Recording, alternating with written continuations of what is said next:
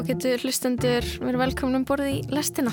Í þætti dagsins mormónar í sjónvarpi, ósvífin markaðsherferð rappara, rómönsk-amerísk kvikmundaháttíð og veggjakrót á Akranessi. Það virðist vera um það bíl til háls að veggjakrótið sé í formi texta eða mynda. Það var mikið um neðanbeltisthaugtök sem lístu líkamsvesum, kinnfærum eða kinnfærislegum aðtöfnum. Það virðist vera að í þessu tilviki hafi þetta verið mjög útúksað vegna þess að þetta gefur raun og veru gefur þrefalda umfjöllun. Það voru tónleikar fyrir daginn og salsadans setjum daginn þannig að það var bara mikið stuð. Þessi þættir fjalla um svona einhvers konar samfélag mormóna sem kannski gróðra stýr fyrir svífurilega glæpi. Ég heiti Kristján Guðjónsson og ég heiti Lóabjörg Björnstóttir og þetta er lestinn mánudaginn 21. november.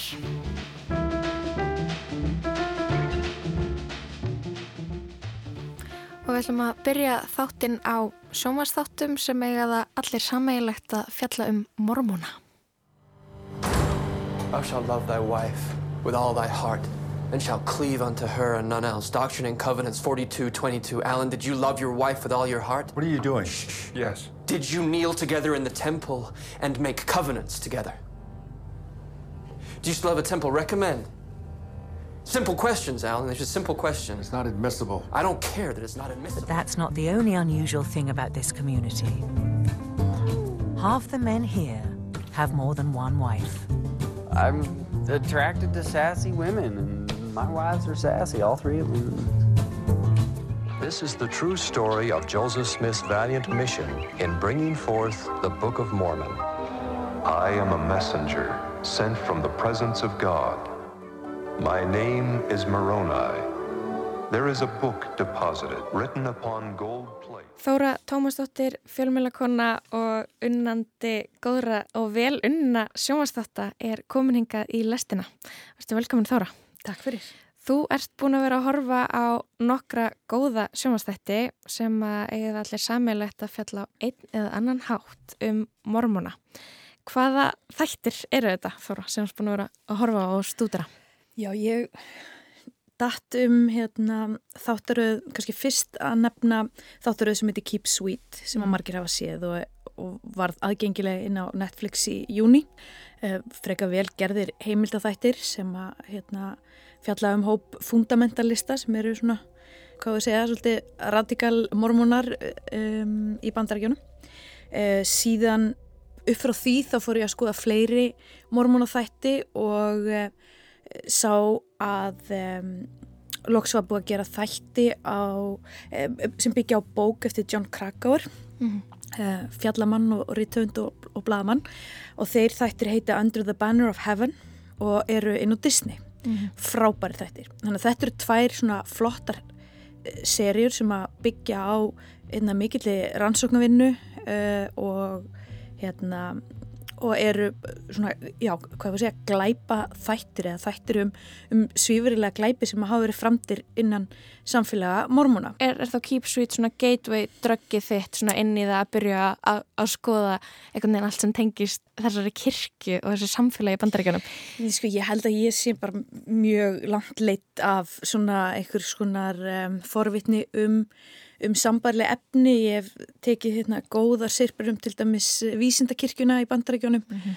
kannski byggir þetta líka á því að, að ég hef búin að vera síðan þú veist árið 2011 að rannsaka káðulsku kirkjuna á Íslandi -hmm. svona með hljöfum sem betur fyrr um, og þannig að svona það sem að gerist í trúarsöfnum og í raun og veru það sem gerist í samfélögum þar sem að einhver fer með óvéfinglegt vald mm -hmm. það finnst mér áhugavert mm -hmm. uh, og það hefur rosalega marga svona, hvað var að segja samnefnara.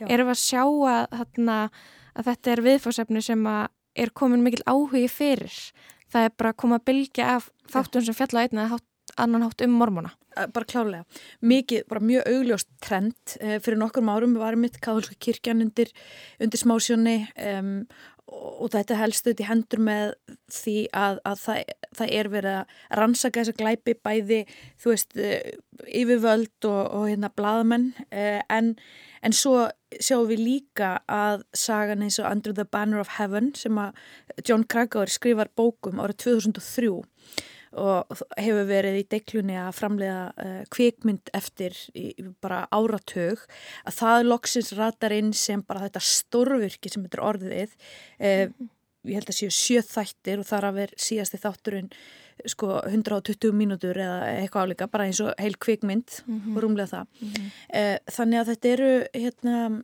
Það, það er eitthvað svona trend núna og við sjáum þetta, algoritmannir eða veist, Netflix hefur svo mikil völd yfir, hefur svo mikil dagskrárvald mm. og núna sjáu þeir bara hvað þetta er einhvern veginn, þetta, þetta tikkar í öll boks sko, mm. uh, dramatúrgana í Hollywood þannig að, að við sjáum þess að sögur rata hver á annar inn á Netflix, Disney og fleiri miðla. A man's status depends on how many wives he has. My dad He had two wives and he couldn't figure out why other men were getting more wives and he was not. Það sem ég held að sé svona skilt eða sameinlegt er að þessi þættir fjalla um svona einhvers konar samfélag mormóna sem kannski gróðra stýr fyrir svífurilega glæpi. Það sem að, þú veist, valdnýðsla, heilaþvottur, trú, refsingar, útskúfun, allt þetta klassiska sem við sjáum í svona köld eða svona, svona sértrúasöfnuðum mm -hmm. þetta spila saman og svo er, er þetta líka sjónarspill veist, kirkja Jésu Kristina síðar daga heilugu eins og mormónakirkjan heitir á íslensku hún, hún er einhvern veginn þessi bygging á, á Temple Square í Salt Lake City í Utah þar sem að flestir mormónar eru mm -hmm. hún er einhvern veginn svo hún er svo sjónræn og, og þetta er einn volduast eða, eða Eh, fjársterkasta kirkja í bandarækjunum hefur, hefur allan verið það í gegnum tíðina. Það er ótrúlega áhugavert að skoða en sko það eru, það eru 6 miljónir eða tæplega 7 miljónir mormona í bandarækjunum mm. en þetta er frekar, þetta ný trú. Já. og það er svona hún er svo förðuleg og mm. þarna en samt einhvern veginn gengur þeim e, alveg vel. Er, þetta er bara rosalega stór stopnun og bara einmitt búin, búin að taka undir sig eiginlega þetta heila fylgja, Utah.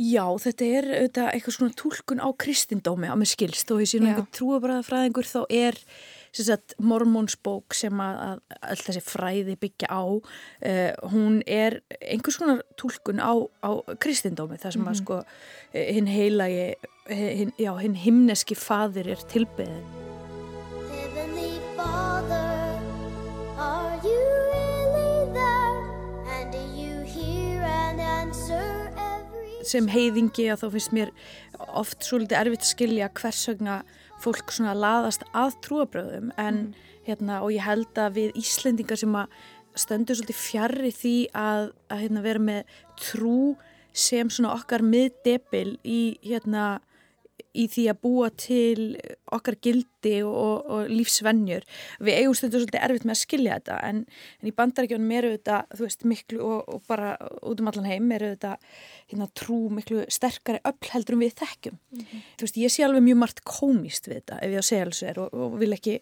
hljóma eins og hræsnari en, en einmitt, þetta er ný trú. Joseph Smith var uppi sko 1805 til 1844 gaf sér út fyrir að vera einhver spáman Guðs að Guð hafi vísað honum á mormónsbókina sem var skrifuð á, á gullnar plötur og hann hafi rekist á hana eh, með síðan boðskap sem hefur verið leðavísi mormóna eh, alla götur síðan veist, en, en það skiptir einhver máli hvað mér finnst um, um trúna þeirra það sem ég held ég er erfiðast með að skilja mm -hmm. er struktúrin á samfélaginu þeirra það er að segja það sem einhver er innráður og, og það sem að um, þráttur í alla allt aðgengi að upplýsingum og mentun e, nútímans að, að þá velji fólk að lifa svona á skjön við þekkinguna og, og hérna, upplýsinguna. Það er að segja að, að hérna, hafa kynja hlutverkin svona óbúslega skýr þar sem einn leittói e, ákveður hverji með að giftast og gangi hjónabönd. Konur hafa þann eina tilgang að vera útungunar e, maskinur sem að eiga að e, já, eins og sértrúasöfnurinn í Keep Sweet sko e, þar sem eiga eiginkonurnar að vera sko ljúvar, undirgefnar byggðja og, og ekki setja spurningamarki við eitni neitt og alls ekki hafa sjálfstæða skoðanir.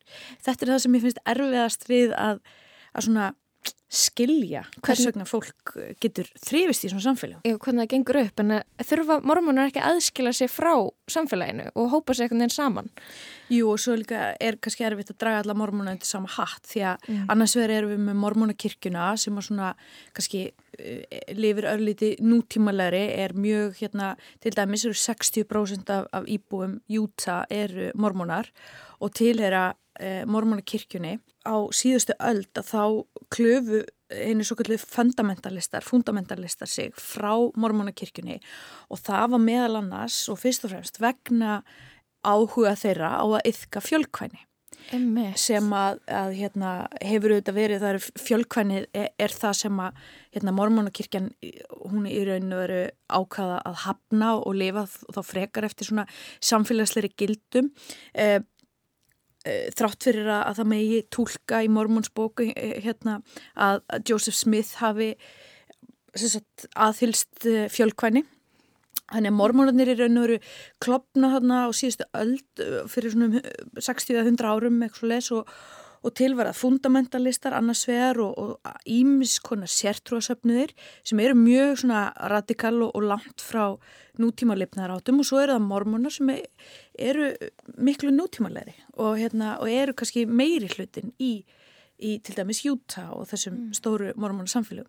Þannig að það er vissulega styggsmunur á þessum og hérna, þess þáttaræði sem að við sjáum eh, er að spretta fram á streymisveitunar að það er tegja ánga sína sumarkvarjar eru hérna, er sögusviðið eh, einir Eh, mormónakirkjan en hún tegir líka, sögurna tegir líka ánga sína inn í þessa sértrúasöfnuði þar sem allt bara brenglast og hérna og úrverðu bara, bara glæpast, skipulega glæpastarsimi. Mm, Hvað sagir sögð í Keep Sweet? Já, þetta er fjögur og þáttaröð sem komin á Netflix í júni og fjallar um hóp fundamentalista.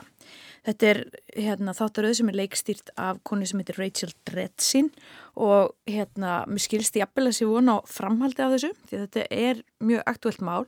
Eh, þetta er í raun kannski bara hinn nútíma Handmaid's Tale, raunverulega Handmaid's Tale saga sko. Eh, það sem að, þú veist með söpnuð eh, sem gefur konum þau fyrirmæli í hjónaböndum að keep sweet, pray and obey bara að vera undirgefnar eh, Sagan gerist í Utah og síðar í Arizona. Hún segir frá aðdraðanda þess að Warren Jeffs verður leiðtói safnarins og hann tekur sér um 80 eiginkonur um það byll. Wow, 80 eiginkonur, um, ok, já, um mitt. Og verður síðar eftirlýstur af bandarísku alríkislauruglunni og ég ætla, ég ætla ekki að gefa alveg upp hvað, hvað gerist þarna þó svo að þessir atbyrgur hafi rataði fréttir hérna á undarfærtum árum. En þarna sjáum við sko, þetta eru ósala flottir heimilda þættir um óhugnarlega atbyrði um, sem gerast aðalega eftir að Jeffs teku við stjórn safnarins af, mm. af föðu sínum og hérna þarna sjáum við kynja hlutverkinn í sinni yktustu mynd þar sem að konur hafa það eina hlutverk að þóknast einmannum og eignast börn og, og, og vera undirgefnar og byggja á klukkustundafresti og þær þurfa að klæðast kjólum og vera með sítt flettað hár og meg ekki með nokkur móti láti ljós sjálfstæðaskoðanir til dæmis á því á þær vilja, eh, hverjum þær vilja giftast. Jeffs einn hefur það vald að ákveða hver eh, gengur hjónaband og eftir því sem álýður þá verða stúlkur allt nýri 11-12 ára aldurinn álýðlegum eiginkonum í hans huga sko. Þannig að þetta fer náttúrulega, þetta eskalerast þetta ástand innan þessa söfnuðar. In our minds, the police, even the president of the United States had no authority over us. Warren Jeffs was our president, he was the prophet. And how could you place a human over God? Og þegar maður valla trúir í hversu langt einræðið í söfnunum getur gengið að þá um, kemur á því að Warren Jeffs og, og hans menn ákveða að reysa þeirra eigið Zion um, þánga sem að börn söfnaðarins eru sendt til þess að öðlast almennilegt trúar uppeldi. Og hvað er eiginlega svona Zion? Já, ég held að það þurfi bara að spyrja ykkur trúfræðinga um það. Þetta er eitthvað, eitthvað sem að hérna, kemur fyrir í, í mörgum trúabröðum mm. og er einhvers konar paradís, einhvers konar hérna, tempel í þessum þáttum þar mm sem að, að í raun og veru börn eru alin fjari fóreldur sínum og, og þegar að sko e, móðuræðli nokkura kvenna verður yfirsterkara trúarsamfæringunni að þá fara auðvitað hlutinir að gerast og það fara að koma verulegi brestir í, í þetta hérna, í þennan kúa söfnuð. Og þessi saga hefði aldrei litið dagsins ljós ef ekki væri fyrir sko sterka og, og maður segja sjálfstæða einstaklinga sem að voru tilbúinir til að ganga gegn öllum þeim gildum sem þeim voru aldrei upp við, uh, setja spurningamarki við uh, fyrirskipanir og, og ákveða að sætta sig ekki við hjónabönd frá barsaldri og hérna eins og svo oft í svona söfnum og þá er gaggrínu hugsun bara ávísun og algjört vesen. Þannig að hérna, á þess að segja mikið að þá eru þarna uppreysna gætnir einstaklingar sem að afhjúpa glæpi innan þessa eins fjölmennasta sértrúasöfnuðar mormóna í heiminum. Og þessi, þessi saga er enn í gangi. They're fundamentalist Mormons. Love you Jesus. Until now they haven't wanted to draw attention to their polygamous lifestyle. But the families at the Rock are tired of living in the shadows. Mér langar eiginlega að nefna aðra þáttaröð sem að kannski sínir okkur aðra hlið af þessu. Eh, það eru hérna, raunveruleika þættir sem voru einu sinni aðgengilegir inn á Netflix og heita Three Wives, One Husband og sína daglegt líf 15 eh, svona mormóna fjölskyldna sem aðhyllast fjölkvæni og hafa byggt sér upp samfélag í eðimörkinni Utah og, og hérna það sem fjölkvæni er bara tæknilega banna í fylkinu en fjölskylduna verða auðvitað þarlegandi fyrir sko smánun og aðkasti inn í borgunum þegar að fólk svona fyrir að hérna gruna eh, hvers konar lifnað hætti þeir aðhyllast. En þarna, þú veist, þessir þættir Three Wives, One Husband, þeir sína svona hvernig fjölkvænið virkar svona í praktík bara. í praktík. Mm -hmm. og hérna eh, og ekki inn í þessum óbúslega stránga trúarsöfnuði sem við sjáum í Keep Sweet. Þetta er eiginlega bara komiskir þættir, drepfindnir eh, því að það er eiginlega ekki nefnum bara sjálfskapa viti þetta fjölkvæni fyrirkomulag að því er virðist í þessum þáttum mm -hmm. ekki síst fyrir mennina sem að virðast sæki það að taka sér sífælt fleiri konur og, og fyrir það fá þeir sko samkvæmt trúni sagt, dyrðar stig og, og komast nær guði og því fleiri eiginkonur því, því raun hérna, betra mm -hmm. og en, en málið er einhvern veginn að í þessu þáttum þá sér maður að með hverri konunni sem bætist í fjölskylduna að þá verða hlutinni floknari og kröfunar til mannana meiri og afbríði sem minn milli eiginkvennana og dramaðið og svo barnafjöldin veist, þetta er ekki fólk sem að, hérna, stundar eh, hvað að segja notar getnaðavarnir þannig að það er óbúslu barnaskari sem fylgir þessu. Mm -hmm. og margir munnar að metta og þannig að inn í þetta koma þetta fjárasáhyggjur og fyrst og fremst er þetta bara, verist þetta að vera algjört tauga stríð kallmannuna að, að síðan að sinna all, allri þessari ábyrð fjölkvæni hefur alltaf verið sko fyrirlitið í, á mainstreaminu í bandarækjónum þannig að, að þetta er líka erfitt þegar þú þarfst að sækja þjónustuðin í nútíma samfélagi Suspect's the husband from a big LDS family. As in, highly regarded. Identify a motive, turn it to a confession, and wrap it up. How about I take the lead with him? Mormon to Mormon. It's all yours. Til dæmis sjáum við í þriðu þáttaröðinu sem ég langar að nefna sem er algjörlega frábær og heitir Under the Banner of Heaven sem að, hérna, er aðgengilega á Disney og byggir á samnendri bók eftir John Krakauer. Mm -hmm. að hérna, þessi þáttaröð, hún sýnir svolítið glímuna við trúna. Þar að segja þarna er aðal personan rannsökun lauruglumæður eða lauruglumæður í, í Utah Leikin af Andrew Garfield Já, vel. ótrúlega vel leikin mm -hmm. þáttaröð, bara eiginlega öllum í, í henni mm -hmm. um, þetta er svo að þetta eru leiknir leikinn þáttaröð sem byggir á sönnum atbyrðum og þarna fylgistu við með sko nútímalegum frekar trúræknum mormóna sem að lendir auðvitað í mikil klípu þegar að grunnsemdina beinast að hans trúfélögum og hann upplifir auðvitað bæði nálega vanda og síðan um, það hann þarf að fara að spyrja sér spurninga um þessi gildi sem að í sinni, hvað maður segja, ströngustu mynd eru að, að yfka fjölkvenni. Og það verður svona glíma sem hann þarf að, að persónulega að, að há í þessum þáttum. Í þáttaröðinni eru raun tvær sögur, það er annars vegar eldingarleikur uh, lauruglumannana við um, þá sem stóða baki hróttalegum morðum og hins vegar eru atbyrðum úr mormonsbók fletta saman við það sem að gerist í raunveruleikunum. Þannig að þetta er ágætis fræðsla um Joseph Smith og alla þá atbyrði sem að líst er í mormonsbókinni og, og hérna og svo er það þessi lílega atbyrðarás um hvernig og, og hvað lága baki þessum morðum sem að framinn voru þarna mm. á, á mormonum og þetta er líka, þetta þáttur auðvum svona radikaliseringu, hvað kallar maður það á íslensku? Svona, þú veist þegar fólk fer í, út í öfgar með trúna mm. en þetta eru ótrúlega vel gerðið þættir og hérna veita svona insýn inn í bæði um, eða, þetta svona tauga stríð á milli þess að vera sko tilhöra nútíma samfélagi og að vera trúrækin því að það koma alltaf einhverjar svona einhverjir ásteytingasteinar þar mm -hmm. og þetta er einhvern veginn allt önnur hlið á sér trú heldur ennum þetta í raunverulega þáttunum og í uh, og bara svona hvernig, hvernig mormónar byrtast okkur svona vanalega í popmenningu þú veist eins og það er náttúrulega mikið búið að vera mikið búið að vera gert grína þessu, þessu, þessu trú eins og svo, og svo kemur þarna Broadway-söngleikurinn Book of Mormon og það er svona mm ekki alveg kannski tekið alvarlega ofbeldið og skuggarlegin á þessu sem virkar svo komist á okkur sem stöndum fyrir utan uh, þá er þetta bara svona alvöru drama og, og bara svona frekar mikið hryllingur í Under the Banner of Heaven. En svo, en svo er annað sem ég er að velta fyrir mig sem er svona, það er komin þessi ótrúlegi fjöldi fólk sem að aðhellir þessa trú.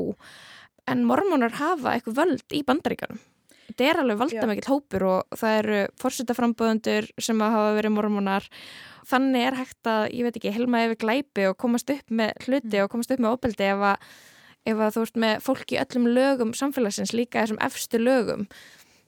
Já, ég held að bara eins og í öllum um, trúfélögum þá hérna og við sjáum þetta bara í kirkjum, eh, hérna, þjóðkirkjunni á Íslandi og, og bara hvert sem við förum út í allan heim þá er mjög mikil tengsla á milli sko trúabræða yðgunar og valda baróttu og þetta er ekkert nýtt, þetta er algjörlega hérna sýstur og bræður sko sem að mm -hmm. fylgja stað í, í nánast öllum skipilagsheldum sem hverfast um trú mm -hmm. þannig að hérna við sjáum að, að jafnvel þó að, að til dæmis séu um 60% sem að aðeilast mormonatrú í Júta þá er sko eh, hlutfall mormona mun herra í efstu lögum þess samfélags mm. til dæmis á, á hérna, þinginu og í hérna, stjórnkerfinu og, og innan löggjæslunar og það sjáum við líka í þáttunum hérna, um, sem að byggja á sögunast John Krakauer Under the Banner of Heaven að allstaðar þá það eru mormónar í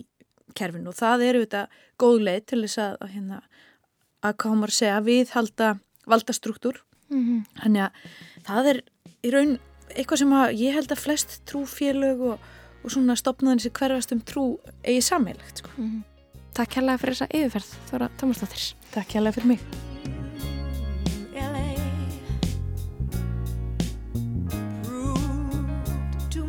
for the man. Too much for the man. He couldn't make it. So he's leaving the life. He's come to know. Ooh. Said he's going back to find. Going Þetta er lægið eh, Midnight Train to Georgia með Gladys Knight and the Pips. Vissið þú að hún er mormóni? Hafði ekki hugmynd. Ég var að leita frægu, tónlist, frægu tónlistafólki sem er mormónar, það voru ekkert droslega margir þannig að þetta var eiginlega eina sem ég gæti spilað með mormóna en Þóra Tómasdóttir sæði frá sjómasdóttum sem fjalla allir um mormóna í bandaríkjónum vorum að tala um Under the Banner of Heaven og Keep Sweet. Þetta eru þættir sem er að finna á Netflix og Disney Plus Þetta er vinsælt viðfórsöfni í sjómasdóttum um þessar myndir um, við náðum ekki alveg að tala um alla þætti sem eru hafa verið gerðir um mormóna Þóra meldi líka með heimildáttunum Sins of Our Mother og hún segir þá negla alveg þessa true crime formúlu sem er bara það eiginlega það eina sem fólk vil einhvern veginn horfa á þess að dana á streyminsveitum og svo eru líka fínir heimildahættir sem að heita Murder Among Mormons. Þannig að það er á nógu að taka fyrir þá sem vilja byrja að horfa þætti um mormona. En við ætlum að um, halda yfir í allt aðra sálma, við ætlum að halda upp á Akranes. Patrikur Björgvinsson hefur að pæla í listin í sínu nær umhverfi. Hann hefur að pæla í veggjakrótinu á Skipaskaga. Akranes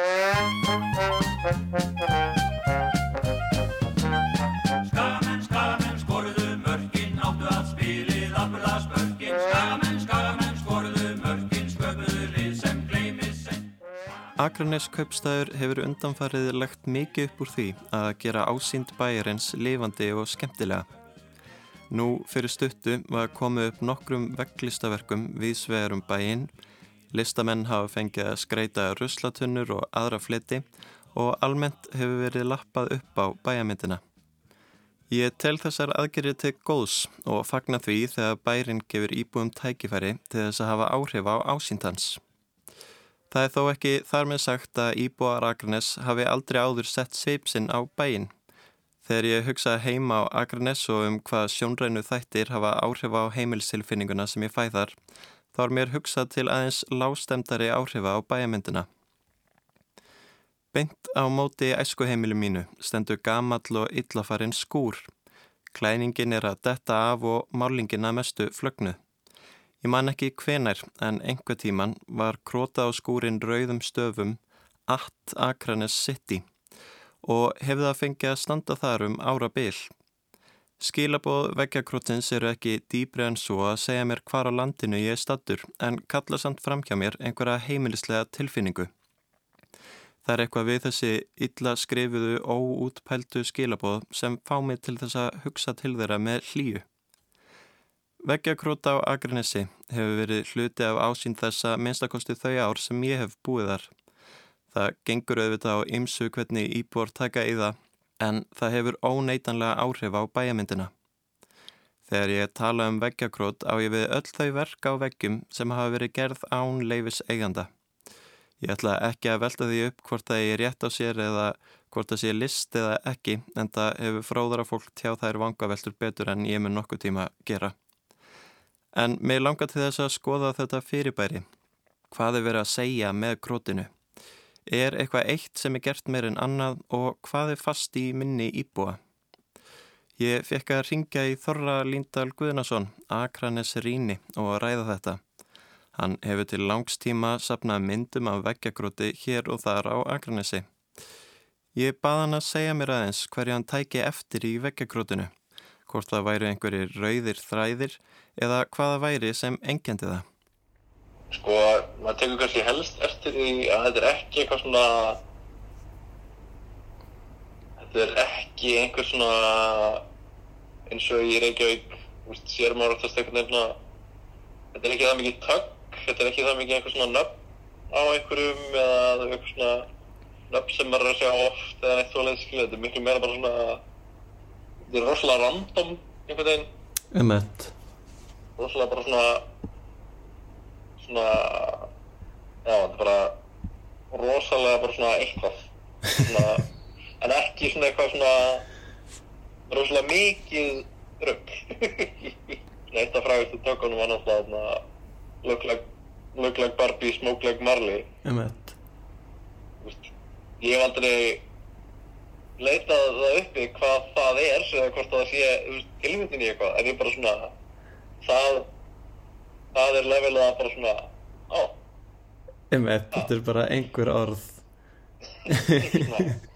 Já, ég tók um þetta eftir ég fór í fór svona ring um Akranes og ég var að leita að þú veist hvort það væri verið að reyna að segja eitthvað og þetta er ekki yfirleitt ekki neinn svona gaggríni eða uh, Nei, það er ekkert það er ekkert eitthvað svona counterculture neitt við þetta, það er ekkert eitthvað svona það er ekkert ekki mikið merking þannig nema bara svona þú veist þetta endar einhvern veginn eins og eitthvað svona satýra af sjálfur sér eins og sig heitt. Þetta er bara svona eitthvað svona sjálf satýra, þetta gæti verið djók en þetta er alveg ekki djók. Emmett, emmett Já, það virðist vera að það sem engennir veggjakróta á Akarnesi sé samhengisleysi. Hann nefndi það einnig að sjálfsmynd bæjarins virðist verið í eilífri krísu og mikið af veggjakrótinu íti undir það. Þar tók hann dæmi um Strompur for Ever sem var ansvar einhvers veggjakrótara við því þegar helsta kennileiti bæjarins semenstrómpurinn var feldur. Þá þurftu akurnesikar sem held að fara eins konar sjálfskoðun. Ef við höfum ekki kennileitið, hver eru við þá? Í því millipils ástandi stóð þá strómpurinn kannski ennþá í einhverju merkingu. Hann var ekki þarna raunverulega en þar sem hann hafði verið stóð minningumann. Ég fó rundum Akranes að skoða þetta nánar og spurði fólki í kringum mig hvað þeim fannst. Eins og Þorri nefndi er þetta margt bara eitthvað og lítið hægt að lesa úr því. Samt sem áður verður sumt sitja meira í minni fólks en annað. Þá nefndu margir það sem Þorri sagði að veri eitt frægasta veggjakrótið Look like Barbie, smoke like Marley eða lít út eins og Barbie, reiki eins og Marley. Það var á baklið búkollu, Rauðakross Veslunarinnar. Ég áttum ekki á hvaða er sem gerða verkum að margi muna eftir því en eflust hefur það eitthvað að gera með áðurnemt samhengisleysi. Það hefur nú verið fjarlægt og í staðinn stendur þar you dumb eða Ertu heimskur? Ég veldi fyrir mér til hvers eða hverra þau skilaboð eru. Er það ég, áhorfandin, sem er heimskur fyrir það að gera mig ferða að skoða veggjakrót sem er ekki lengur til staðar? Er það sá sem málaði yfir? Eða er þetta kannski bara almenn pæling sem hver sem er má velta fyrir sér? Ég tók eftir því á rundi mínum að það virðist vera um það bíl til háls að veggjakrótið sé í formi texta eða mynda. Það var mikið um neðanbeltistögutök sem lístu líkamsvesum, kinnfærum eða kinnfærislegum aðtöfnum. Þar er markmiði augljóslega ekki að koma neinum skilabóðum til skila. Ég tel líklegra að það sé gert fyrir útrást þess sem krótar. Það var líka nokkuð um vísanir í Akarnes í textum, ekki ósvipa því sem stendur á skúrnum á móti heimilu mínu. Það er þá kannski komið frá einhverju smábæja stolti eða kannski frá þessari sjálfsmyndar krísu að krótararnir haldi sig í eina fastan sem þau vita er í bænum, nafni á honum. Hvort sem það er í þökk eða óþökk íbúa er engum nöppum um það að neppa að veggjakrót hefur áhrif á bæjamyndina og er hluti af menningu bæjarins. Ég held að það hvaða skilabóðum krótið er að koma á framfæri sé ekki endilega það sem framkallar þessa heima tilfinningu sem ég myndist á. Heldur frekar að þetta er eitthvað falið leindamál sem ég veit bara af því ég hef átt heimaðarna og hef getað gefið mig tíma til að uppgötva. Heimatilfinningin kemur ég að bel ekkert frá veggjakrótinu sjálfu, heldur samtölum sem ég hef átt um það eða upplifinum sem ég hef átt undir því. Patrikur Björgunsson var að skoða veggjakrót upp á skaga en þá að allt öðru. 21, can you do something for me? 21. Can you hit a little rich flex for me? 21. Then 21, can you do something for me? 21. Drop some bars to my Ég heiti Magnús Ratt Magnússon og er lögmaður og hef fengist uh, hugverkarétt í mínu störum. Okay. Núna á dögunum kom út uh, plata með röpprunum Drake og 21 Savage um, plata sem heitir Her Loss. Fór beint á toppin í bandaríkjónum en hefur fengið svona frekar slæma dóma. Ertu múin að hlusta á plötuna? Nei.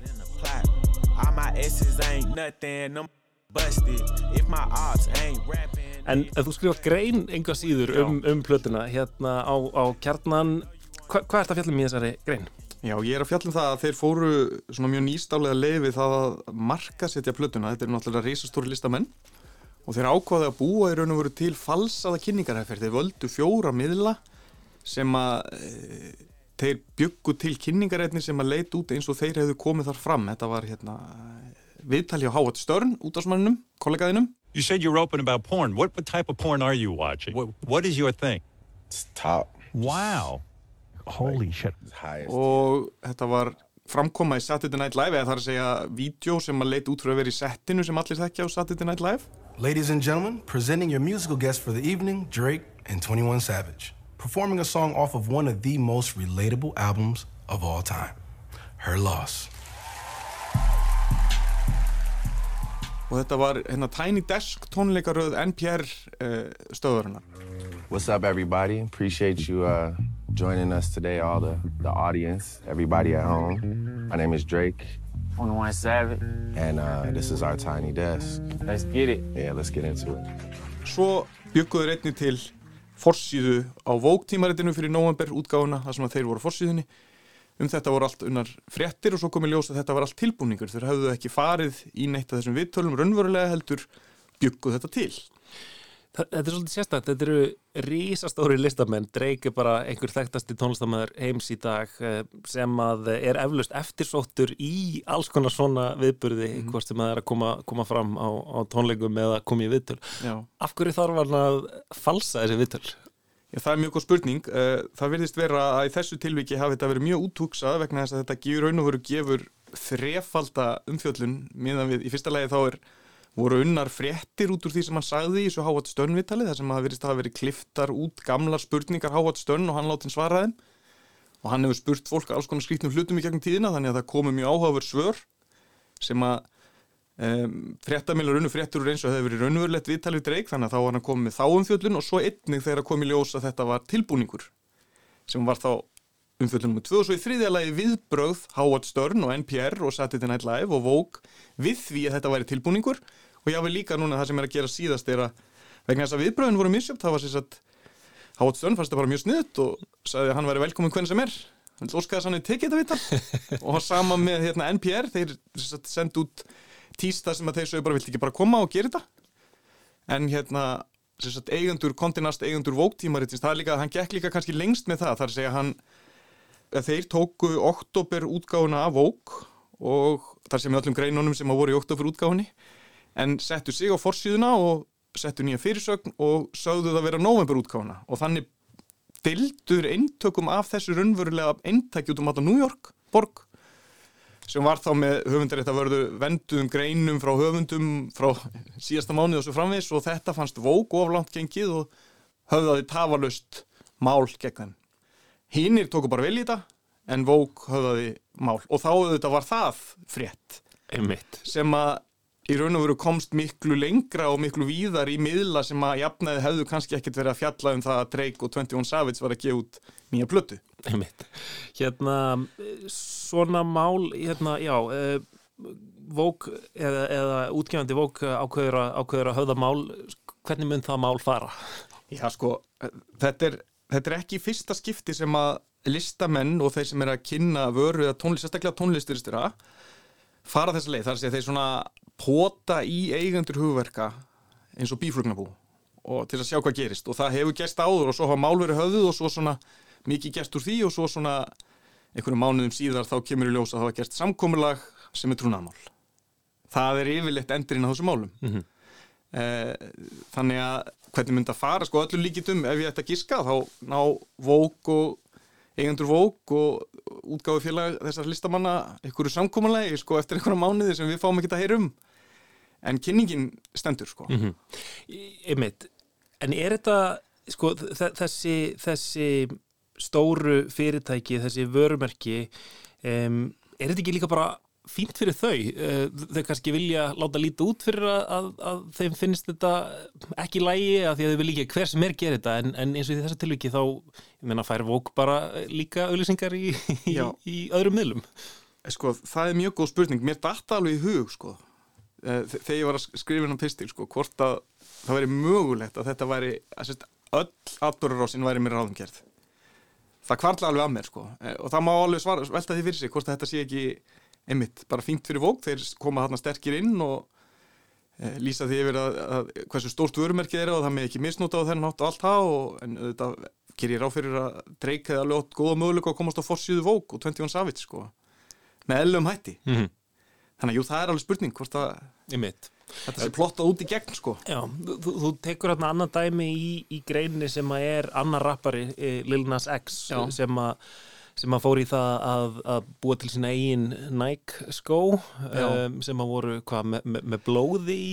Já, sko, jú, það var sagt, markasfyrirtæki sem er mjög áhugavert sem að vann með honum, sem ég kynnti mér næst í fyrir að skrifa þákrein, sem að hafa gert svona skrítna hluti eins og þeir gerðu sagt, birkenstokk inni, inni sko úr birkentöskum og eitthvað svo leiðis, mm. allt svona til þess að vekja svona, í raun og veru þeir segjast vera svona viral marketing og þeir hafðu áður gefið út hérna skó sem voru kvítir og þeir kolluðu Jesus Shoes sem áttu að vera með blessuðu vatni í loftbúðunum.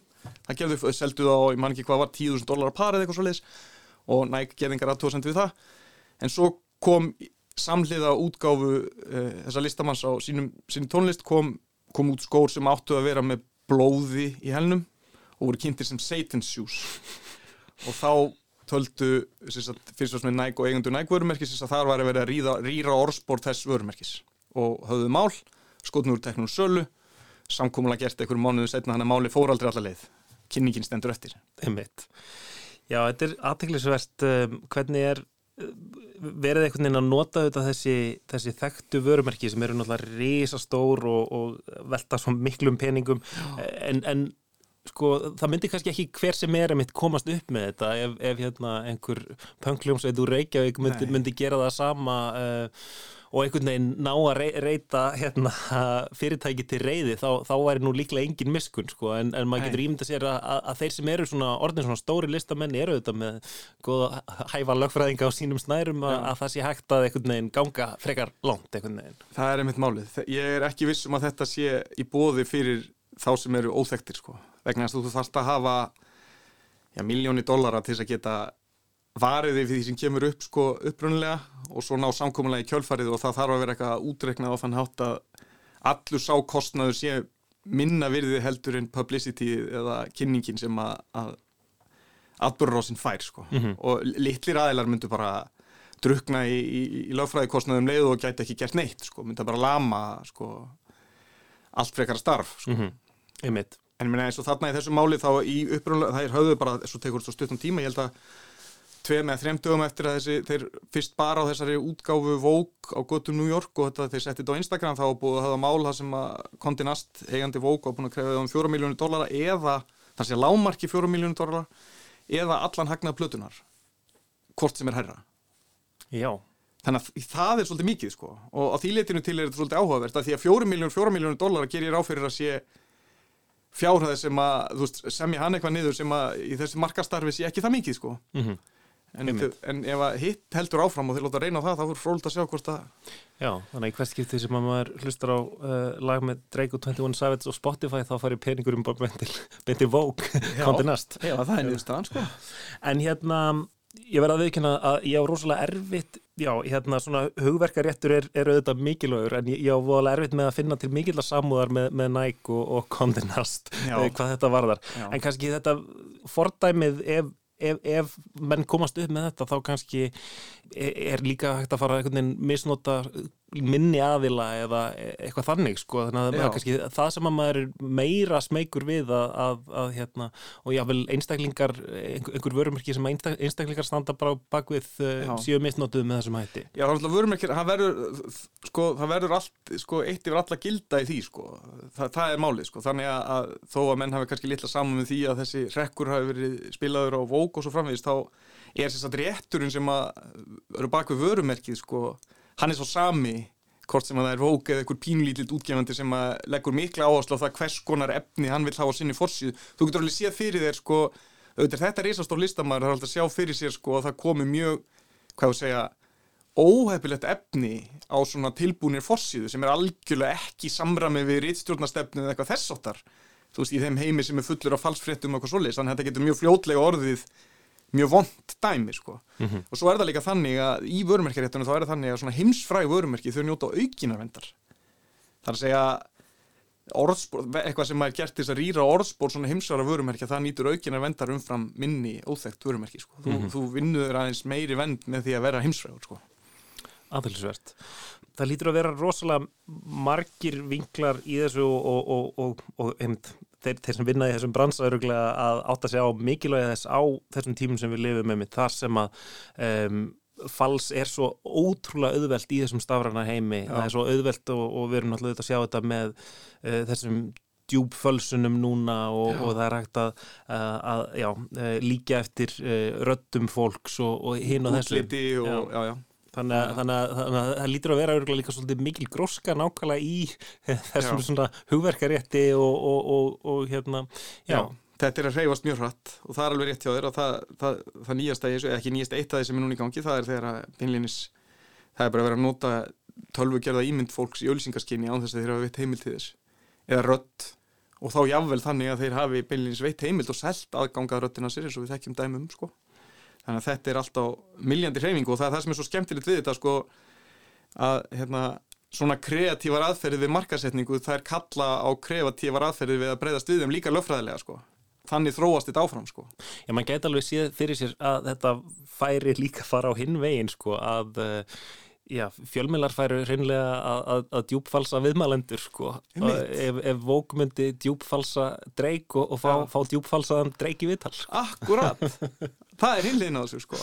Og kannski þá í viðtöl sem hann hefur ekki áhuga á þá var í raun og verið búið að snúa brandaranum á hann sko. Nákvæmlega það er spurning, við sjáum hvað hva gerist hvort að Vók um, hérna, kom með krókamóti bræði um, Magnús Raffn Magnússon lögmaður sérfæðingur í, í hugverkarétti takk hjálpa fyrir komin lestina. Já, takk fyrir mig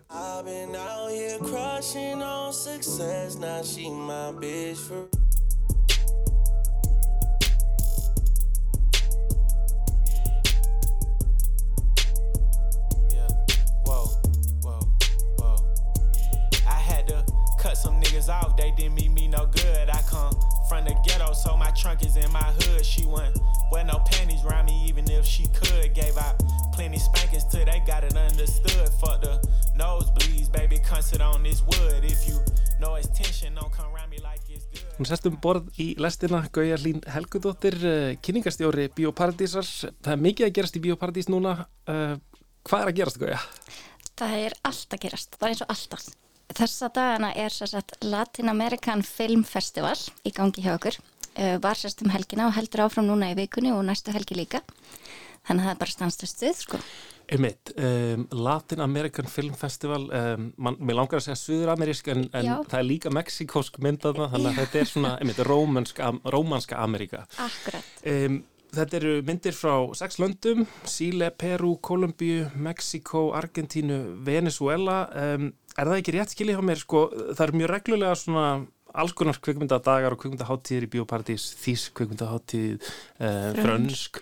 En þetta er í fyrst skipti sem það er suðuramersk eða rómennsk-amerísk kvikmyndaháttíð. Akkurat, þetta er í fyrsta skipti sem við erum með hana uh, og þetta er svolítið gert í samstarfi við sendi ráð landana sem þú nefndir þau sagt, velja sjálf myndirnar sem, sem koma inn og við setjum síðan aðeins svona auðvitað með viðbörðum og, og öðru mm, slíku Anteglisvert.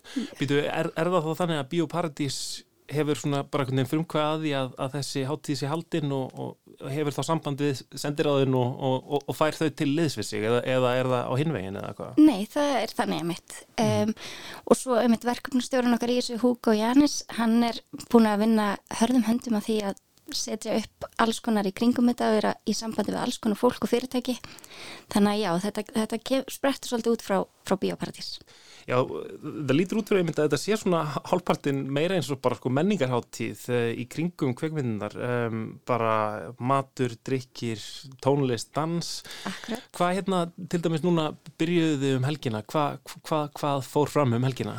Heyrðu, það var rosalegt stuð og mikil heiti í biopartið sem helgina. Það seldist bara meira en upp á báðasýningarnar.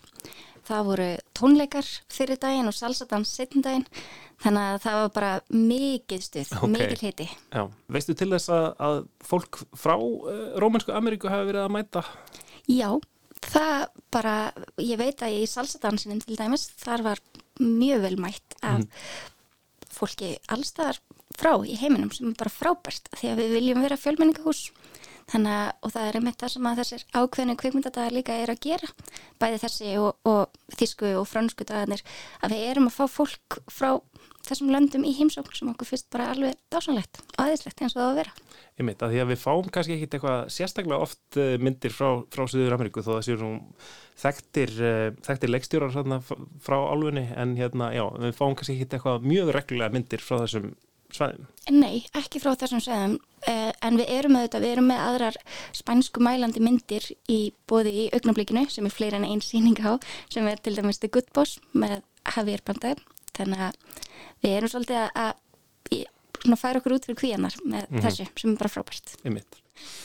Hérna, já, þetta eru, þetta eru myndir frá, frá sex, sex ólíkum löndum um, þú segir einmitt myndirnar eru valdar af, af, af sendiróðunum þannig að, þannig að það er kannski ekki svona, kannski beint svona kjúrættað á sama hátt og oft kvíðum þáttir en, en hefur þú tilfinningu fyrir því hvort það séu svona já, einhver svona sammeilegu þemu eða, eða, eða eitthvað sem að, sem að er verið að fjalla um í suður-ameríski kvíðumtagerð eða rómansk-ameríski kvíðumtagerð nákvæmlega núna?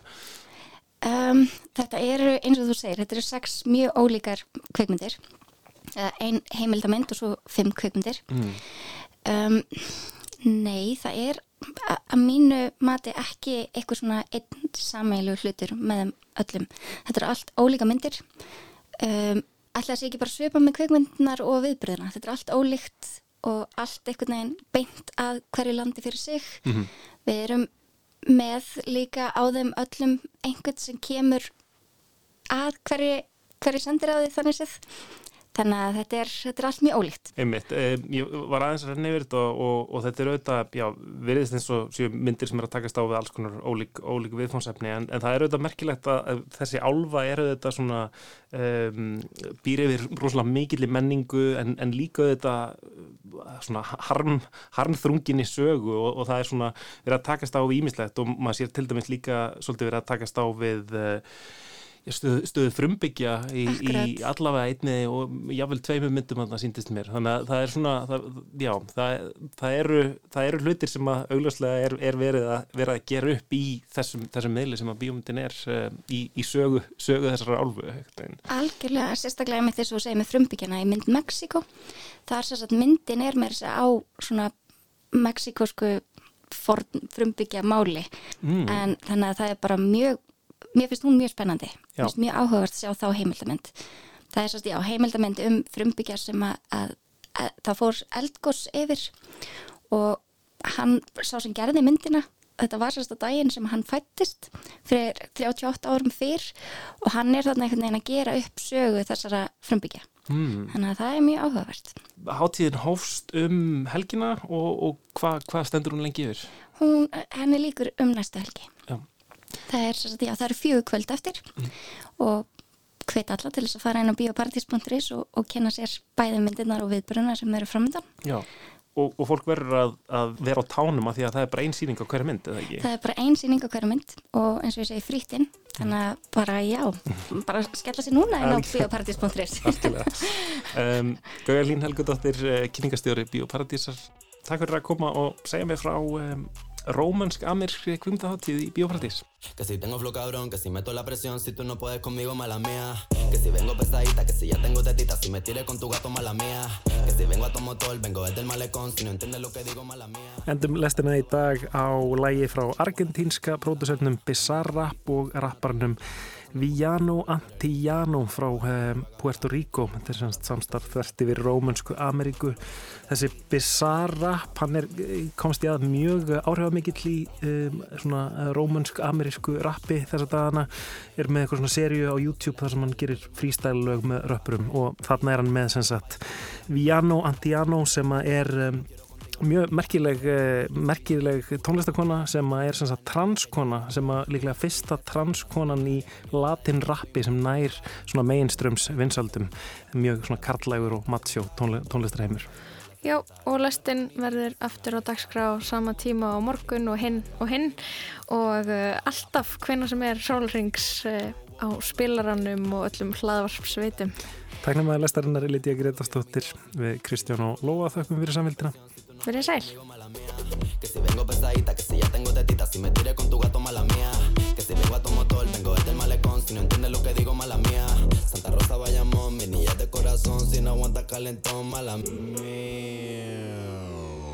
Llegó la que descabrona, la que los encabrona. Llegó la go, llegó la cabra, so cabrona. Aquí todo es serio, no creemos en nada de broma. Todo el mundo en alerta con mi porte de patrona. Metal en el aire porque voy chillando goma. Mi es más dulce, me mudó para Oklahoma. Me saca los pasajes para su cuarto, toma, toma. Y le estamos metiendo hasta sacarnos hematoma. Gat- gatita mala, leona como Nala. Corro por la sabana mandala las tetas como Rihanna. Diamond de top shelf, I'm such a bombshell Todo el mundo ve que del dorado soy la shell. Todo el mundo quiere un pedazo de mi pastel. Perdí en el mar, soy yo, pa' y pastel La muñeca, la brasa, tomo del de Mattel. Si no quiero contigo, no me tires a mi cel. A lo yo soy villana, mucho gusto, yo me apel. La Jennifer, la Aniston, aquella, la Rachel